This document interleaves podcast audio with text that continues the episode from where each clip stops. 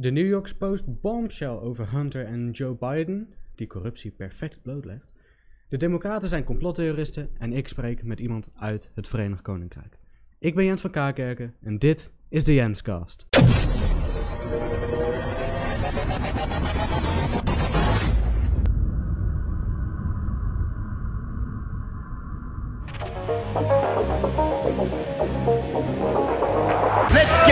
Get Brexit done and let's take this country forward. Internationaal recht bestaat niet. Dat bestaat allemaal niet. Het is allemaal in jullie hoofd. Dat, dat is niet echt. Don't be rude. No, I'm not going to give you a question. I'm not going to give you a question. You are fake news. my country Israel, the one and only Jewish state. Alright, als je naar deze podcast luistert, ben je al een stap dichterbij totale wijsheid. Maar wil je nou nog dichter bij de totale waarheid komen? Ga dan naar commonsensetv.nl en lees daar het laatste en belangrijkste nieuws. CSTV is ook de outlet die je deze podcast brengt. Ga naar Common Sense TV en word gebombardeerd met kennis. Oké, bombshell. Joe Biden's zoon, Hunter Biden. Waar we het een tijd geleden over hebben gehad. Hoe corrupt hij is en hoe enorm veel hij verdiende eh, vanwege Burisma Holdings, een Oekraïns olie- en gasbedrijf. Terwijl er geen enkele indicatie is dat Hunter ook maar iets wist van deze sector. Joe Biden heeft altijd gezegd dat hij het nooit met zijn zoon over zijn handelsrelaties had. Leugen. Die Hunter Biden zelf tegensprak in een interview in 2019. Maar daar gaat het niet eens om. Het gaat over een onderzoek naar Burisma Holdings. Daar ging het om. Waar Hunter toen in het bestuur zat. Waar dat hij 50.000 eh, dollar per jaar verdiende. Of per, nee, per maand, sorry. Joe Biden heeft in een gesprek bij de Council on Foreign Relations ooit het volgende gezegd. Luister. Um, I remember going over convincing our team, or others, to convincing us that we should be providing for loan guarantees. And I went over, I guess, the 12th, 13th time to Kiev, and uh, and I was going supposed to announce that there was another billion dollar loan guarantee. And I had gotten a commitment from Poroshenko and from uh, Yatsenyuk that they would take action against the state prosecutor, and they didn't. So they said they had they were walking out to press conference. Said, "No," I said, "I'm not going to, or we're not going to give you the billion dollars." They said, "You have no authority. You're not the president." The president said, "I said, call him." I said, "I'm telling you, you're not getting the billion dollars." I said, "You're not getting the billion. I'm going to be leaving here." And I think it was what six hours. I looked. I said, "I'm leaving in six hours. If the prosecutor's not fired, you're not getting the money." Oh, son of a bitch! Got fired, and they put in place someone who was solid. Hij wilde de Oekraïense procureur-generaal Viktor Shokin ontslagen hebben. Binnen zes uur. Anders zou Oekraïne geen miljard eh, dollar loan guarantee krijgen. Dit is later nogmaals bevecht- bevestigd in een gelekt telefoongesprek tussen de toen eh, vicepresident Joe Biden en toen Oekraïens president Petro Poroshenko. Hey, Mr. President, Joe Biden. How are you? Very well indeed. As usual when I hear your voice. Thank you very Well, much. you are for- doing very well. Congratulations on uh, on getting the new prosecutor general. I know there's a lot more that has to be done, but I really, uh, I really think that's, I think that's good, uh, and I understand you're working with the Rada in the coming days on a number of additional laws to secure the IMF. So, but congratulations on installing the new prosecutor general. It's going to be critical uh, for him to work quickly to repair the damage Shokin did. And I'm a man of my word. I um, and that now that the new prosecutor general is in place, we're ready to move forward in signing that new one billion dollar loan guarantee. And I don't know how you want to go about that. Maar dat is niet wat er door de New York Post naar buiten is gebracht. De New York Post heeft een paar dagen geleden de volgende headline gepost. Quote, Smoking gun email reveals how Hunter Biden introduced Ukrainian businessman to VP dad. Hunter Biden stelde zijn vader, de toenmalige vicepresident van de Verenigde Staten, Joe Biden, die nu voor Senaat gaat, voor aan een topman van een Oekraïens energiebedrijf. Burisma Holdings. Minder dan een jaar voordat de oudere Biden, hè, dus dat is dan Joe Biden, hè, die elderly Biden, overheidsfunctionarissen in Oekraïne onder druk zetten om een officier van justitie te ontslaan die onderzoek deden naar het bedrijf. Volgens alle e-mails. Volgens e-mails die waren verkregen door de New York Post. De nooit eerder onthulde ontmoeting werd vermeld in een bericht van waardering dat uh, Vadim Pozarski, uh, een adviseur in de raad van bestuur van Burisma, Hunter Biden naar verluid op 17 april 2015 had gestuurd. Ongeveer een jaar nadat Hunter bij het bestuur van Burisma kwam met een gemeld salaris van tot 50.000 dollar per maand. Dat verdien ik niet. Dat verdien jij niet. Dat verdienen de meeste mensen niet. De president van de Verenigde Staten. Kijk, Donald Trump die int dan geen salaris, maar zelfs de president van de Verenigde Staten zou dat niet hebben, krijgen. Quote, Beste Hunter, bedankt dat je me naar Washington hebt uitgenodigd en de gelegenheid hebt gegeven om je vader te ontmoeten en wat tijd samen hebben doorgebracht. Het is echt een eer en een genoegen, zo luidt de e-mail. Een eerdere mail van mei 2014 toont ook Pozarski ehm, naar verluid Burisma's nummer 3 executive, hè, dus 3 in orde van grootte, die Hunter vraagt om, quote, advies over hoe u uw invloed kunt gebruiken namens het bedrijf. De blockbuster-correspondentie die haak staat op de bewering van Joe Biden dat hij nooit met zijn zoon heeft gesproken over zijn buitenlandse zakelijke transacties, zit vervat in een enorme schat aan gegevens die zijn hersteld van een laptop. Volgens de eigenaar van de winkel is de computer in april 2019 afgezet bij een reparatiewerkplaats in de thuisstaat van Joe Biden, Delaware. Ander materiaal dat uh, van de computer is geëxtrahateerd. Sorry, fuck. Wrong pronunciation. Ander materiaal dat van de computer is geëxtraheerd omvat een ordinaire video van 12 minuten die lijkt te laten zien dat Hunter, die toegeeft, toegeeft te worstelen met verslavingsproblemen, crack rookt, terwijl hij bezig is met een seksuele handeling met een onbekende vrouw, evenals tal van andere seksueel in expliciete afbeeldingen. Volgens de winkeleigenaar heeft de klant die de waterschade aan de MacBook Pro heeft meegebracht voor reparatie nooit betaald voor de service en deze of een harde schijf waarop de inhoud was opgeslagen nooit opgehaald. Dat was daar dus gewoon nog. Degene die die laptop en die MacBook Pro uh, voor reparatie heeft gebracht, heeft hem niet opgehaald. Waardoor de uh, harde schijf was er nog en daar is een kopie van gemaakt. En dat is naar uh, de, volgens mij de advocaat van Rudy Giuliani ge, gestuurd. En toen kwam de FBI volgens mij voor de, voor de normale harde schijf, voor de origineel. De winkeleigenaar kan de klant niet met zekerheid identificeren als Hunter Biden, maar zei dat de laptop een sticker van de Bo Biden Foundation droeg, genoemd naar Hunters overleden broer en voormalig Delaware procureur-generaal, Attorney General. Foto's van een federale dagvaarding in Delaware die aan The Post is gegeven, laten zien dat zowel de computer als de harde schijf in december in beslag zijn genomen door de FBI. Nadat de eigenaar van de winkel zei dat hij de FBI op de hoogte had gesteld van hun bestaan. Maar voor dat de FBI het kon ophalen, maakte hij een kopie van de harde schijf en gaf deze later aan de advocaat van voormalig burgemeester van New York hè, tijdens 9-11, Rudy Giuliani. En die advocaat die heet Robert Costello. Steve Bannon. Steve Bannon. Kennen we hem nog? Kennen we hem nog?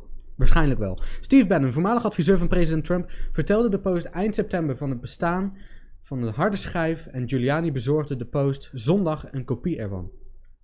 Minder dan acht maanden nadat Prozarski Hunter Biden bedankte voor de kennismaking met zijn vader, oefende de toenmalige vicepresident weliswaar druk uit op de Oekraïense president Petro Poroshenko en premier Arseniy Yatsenyuk.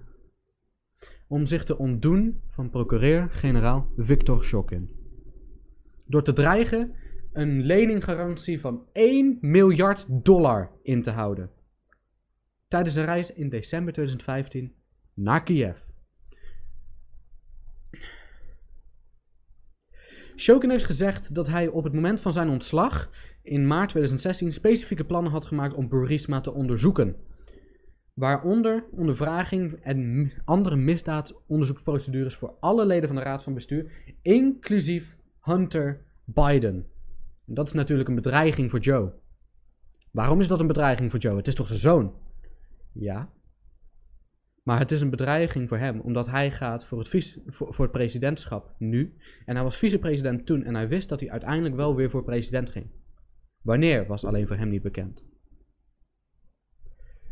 Joe Biden heeft erop aangedrongen dat de VS wilde dat Shokin werd verwijderd vanwege zorgen over corruptie die werden gedeeld door de Europese Unie. Nou ja, daar hebben we de EU weer. De EU, de oh zo goede EU. Dat is een leugen, weliswaar. Ondertussen laat een e-mail van 12 mei 2014, kort nadat Hunter Biden toetrad tot het bestuur van Burisma, zien dat Pozarski probeerde hem zijn politieke macht te laten gebruiken om het bedrijf te helpen. Daar heb je het. Corruptie, dames en heren. Het bericht had de onderwerpregel urgent probleem en werd ook verzonden naar de zakenpartner van Hunter Biden, Devon Archer. Hebben we ook wel eens van gehoord, toch? Ja, daar hebben we ook wel eens van gehoord. In een uh, aflevering van Pull Up Context. Die destijds ook in het bestuur van Burisma zat. We zullen in de podcast uh, op dinsdag in grote detail dit verhaal onder de loep nemen. Want dit verhaal is nog breaking. Het is, um, gisteren is het gepubliceerd en we gaan elk detail analyseren. En daar komen we dus uh, dinsdag. En als het dinsdag niet lukt, omdat er heel veel details zouden zijn, dan komen we er donderdag op terug. Um, maar we komen er in detail op terug. Dan gaan we nu even naar de hearing van Judge Amy Coney Barrett. Over niet al te lange tijd de nieuwe Supreme Court Justice. De Democraten zitten zo diep in de complottheorieën dat ze niet meer realiteit van fictie kunnen onderscheiden. Senator Whitehouse van Rhode Island heeft de complottheorieën over duister geld van stal gehaald. In all cases, there's big anonymous money behind various lanes of activity. One lane of activity is through the conduit of the Federalist Society. It's managed by a guy, was managed by a guy named Leonard Leo, and it's taken over the selection of judicial nominees. All the same funders over and over again, bringing the cases and providing this orchestrated, orchestrated chorus of amici. Then the same group also funds the Federalist Society over here. It was an 80 to 0, 5 to 4 partisan route, ransacking. Daarna laat Texas Senator Ted Cruz hem een koekje van eigen deeg eten door haar fijn uit te leggen dat het zijn kant van het politieke spectrum is die juist het duistere geld in grote getalen krijgt. Wederom luister. The senator from Rhode Island talked about big corporate powers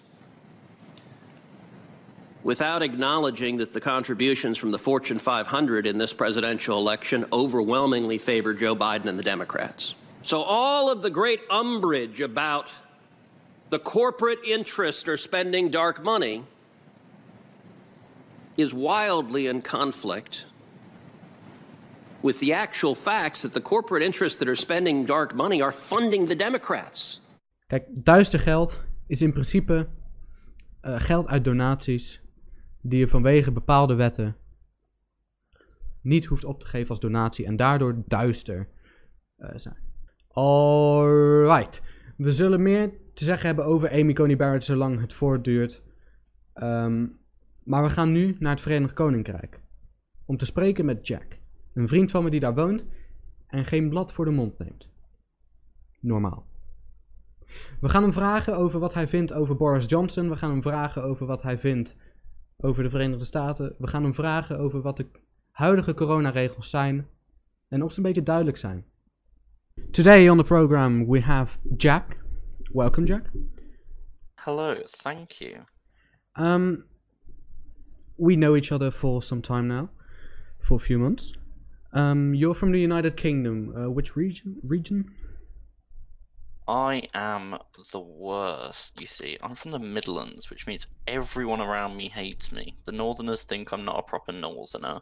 Yeah. The Southerners think I'm a Northerner, so they hate me for that. No one likes me. It's terrible. Right. So you're being hated by all sides, uh, assumably not by your own side.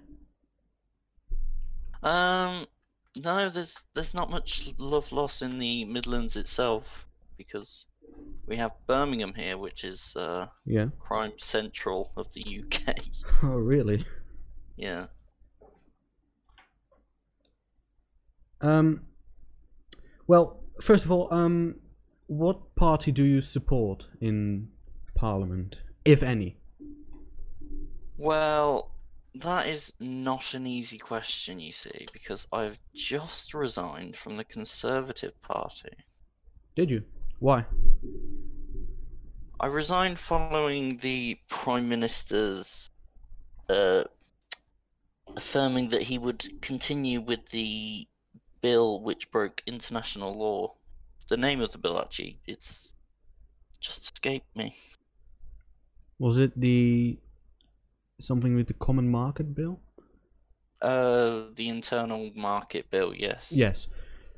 Um, and it broke international law by um, I assume if if I if I got this right by breaking the withdrawal agreement, which was signed on not even a year ago. Yes, it was it, just sections of the bill Yeah. uh, contradicted with the agreement we'd already made with the EU in the withdrawal agreement. So yes, unfortunately. And the government just wanted to break international law, or was it a mechanism through which they could theoretically break international law but didn't have to? There was there was quite, quite a bit of legal debate over this. Yeah. So they didn't have to, Yeah. and we're not quite sure what this bill has enhanced because the the prime minister has said all the way back in the campaigning from the election last year Yeah. that he had this this oven ready microwavable deal that's so amazing that he can just you know get get straight to the negotiating table with the EU Yeah. and uh, when it came to passing the internal market bill, he seemed to have stated that he uh, he overlooked a few things in the withdrawal agreement, so his oven ready deal wasn't quite oven ready.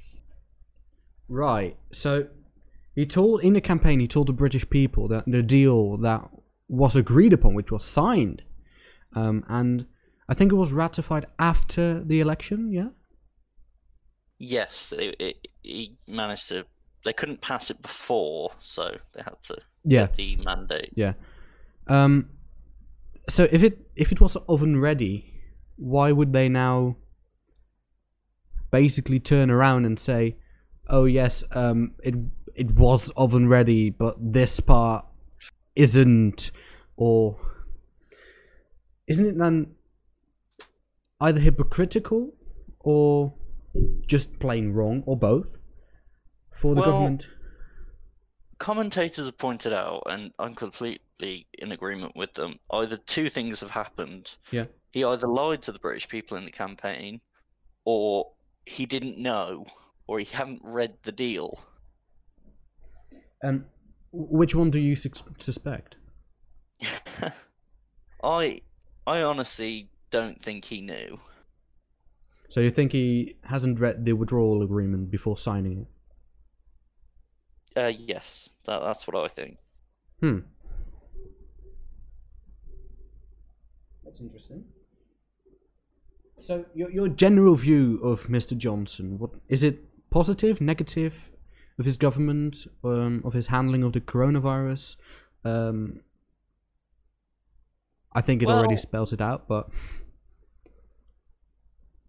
You know, before the coronavirus, and when he just got into power, Yeah. he came in with a very strong mandate from the people, and he was really looking quite strong as a political leader. Yeah.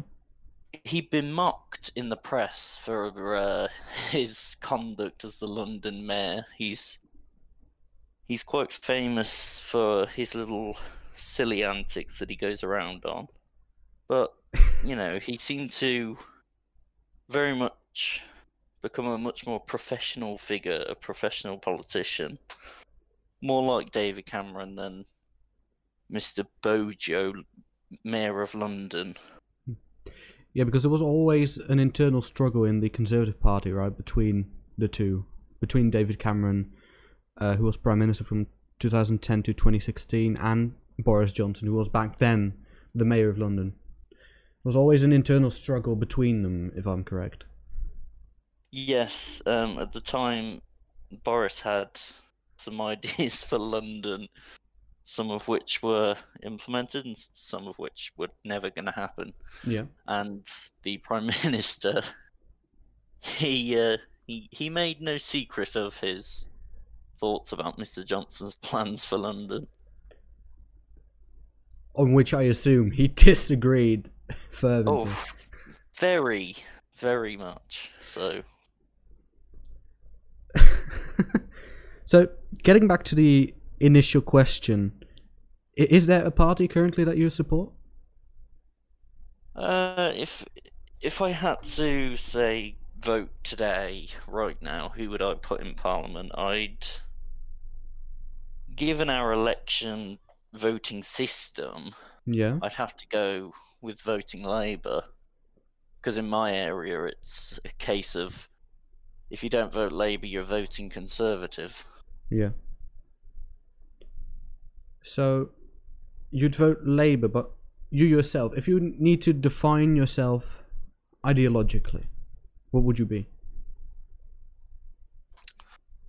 Probably a, a true blue Tory, but right now I just I cannot support the Prime Minister, given his terrible handling of the coronavirus and him breaking international law. Hmm. And when you see him in Parliament trying to defend his, what is it, the three tier system? Um, Uh, yes, his newly announced three tier system. yeah, it also occurs to me that he pr- doesn't even realize what what his own rules are. Um, what's your perspective on that? I I think that's true because the the announcements that have been coming out of number 10 have been very contradictory because we had the initial five tier system Yeah. We've now gone to a three tier system you you you can't actually check what you know what area you're in what tier you're in Wait, you you you d- you can't even know basically in which tier you are. No, there's uh, there's a list Yeah. on the government's website which does counties, but they also do towns. But not every town is listed. So my town, which I have searched for, isn't listed. Mm-hmm. But a smaller town that's down in the south is listed. Right. So I don't know whether to go from the county. You know, it it's not explained. That's not good for a government if they don't even tell you what the rules are.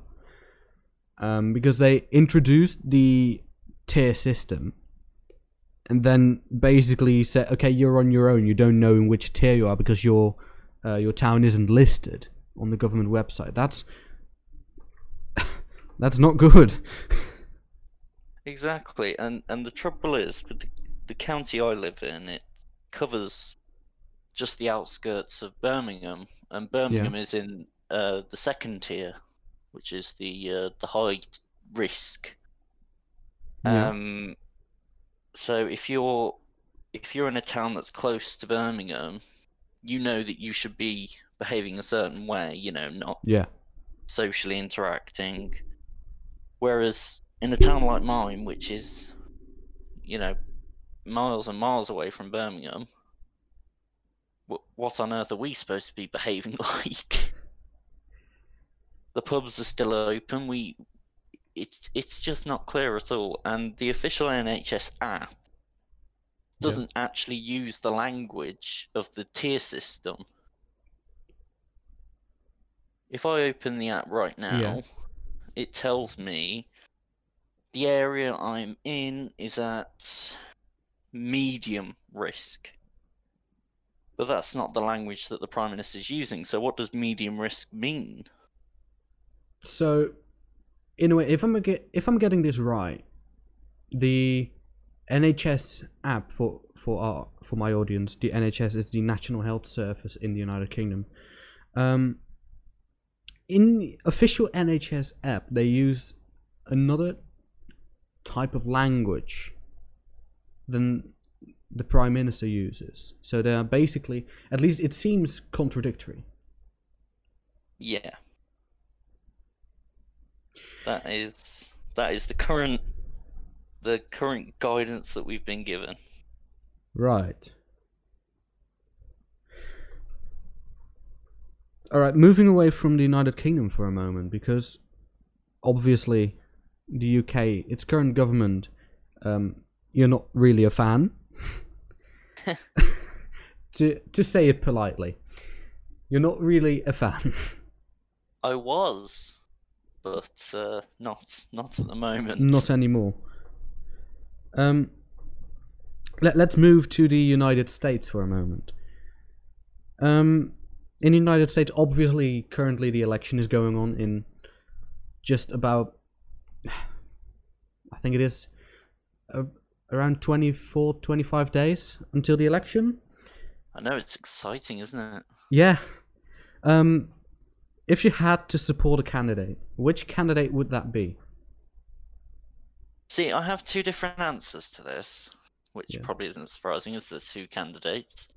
Um, if you're asking me as a British person who I want to win, I give you a different answer to if you're asking me if I was an American. Why is that? Who wait? Because- who, who do you want to win as a British person? I want Donald Trump to win as a British person. Yeah, and as an American? If I was an American, I'd want Biden to win. Can you please explain that? Sure, you. Um, so with the current situation that the UK is going through with Brexit, Yeah. the Speaker of the House, Miss Pelosi, has made it very clear that she doesn't intend to pass any trade deal that the UK can get with the uh, administration Mm-hmm. because of our disagreements over Northern Ireland. Yeah. Now, if we can have a Republican president in the White House, we get a lot more support. Yeah. Whereas if Biden and you know the Democrats as a party control both the House and the White House, we've got no chance. Yeah. Whereas if I was an American, uh, me personally, with my pre-existing health conditions, I'd be concerned over Trump's continuing efforts to try and dismantle Obamacare. So, as someone with pre-existing conditions, you are worried that basically with Trump trying to get rid of Obamacare, which is probably going to appear before the Supreme Court on November 10th, um, you're worried that basically you'll lose insurance. Like you're not you're not an American, but if you would be, you'd you're afraid to lose insurance. Is that what it is? That would be my concern, yeah. or that with pre-existing conditions it would be either harder or nearly impossible to get insurance. Well, I think it would be impossible because my uh, conditions you know, I need medication every day. Yeah. And that sort of medication in the United States, at least, is very expensive. Yeah, as far as far as I know, Trump uh, wants to keep the kind of safeguard on pre-existing conditions, um, and then proceed to make a better health system or have a better healthcare plan than Obamacare was. Um, so, as of policy overall, um, who would you who do you most agree with? Like, if if you disconnect from the entire healthcare subject. Yeah. Uh, well, this is the trouble with uh, what what we've seen so far in the not only the uh, rallies and all that, but even the debates. You know, they they're talking so little about actual policy. I'm not sure what Biden wants to do when he gets into the White House. And I know Trump has his priorities. He wants to repeal the Affordable Care Act. Uh, I'm not. I'm not sure if he wants to overturn Roe v. Wade, but um, Personally, he wants to. Yeah. Well, that's that's an issue for women. That wouldn't really affect me. um, I I'd probably say that I support Trump. If it were to be on policy and not healthcare. Yeah. Yeah. Because you know, it's it's purely on the fact that before the virus hit, the American economy was doing so well Yeah. and so many jobs created. I I honestly think if the virus hadn't come, he'd have just obliterated Biden. Yeah, I, I, I do believe so as well. Um, if the China virus or the Wu flu, the Kung flu, if it hadn't reached the United States um, and didn't wreck the global economy, then I think he would have breezed to victory without any struggle, basically. I don't know about you though, but I honestly can't call the election at the moment. Um, I have the feeling that um, Trump will be re-elected, um, but obviously I can't say for sure as of right now. But Yeah. it, it is also highly like not highly likely, but it's also likely that on election day we we are not gonna know who wins. No, this is uh, quite a unique election in that. Yeah, it's it, it could be kind of a repeat of Bush v Gore. What's your thoughts on I'm not that? looking forward to that. No. I think no one should uh, look forward to a repeat of Bush v Gore. No, um, and whilst I do agree with Donald Trump on many things, it's I I don't appreciate his attitude towards questioning the legitimacy of the election. Yeah, I do agree. I mean, threatening to not go through the peaceful transition of power, it, it it's not asking a lot at all. No, but the, the the question that was asked in that particular conversation was, um, win, lose, or draw, would you commit to a peaceful transition? Win, lose, or draw? Well, obviously, with a win, you're not going to. You're going to have a continuation instead of a transition. Alright, de rest van de conversatie zullen we een andere keer voortzetten. Voor nu, dank u wel voor het luisteren, dank u wel voor het kijken. Dit was de Jenscast.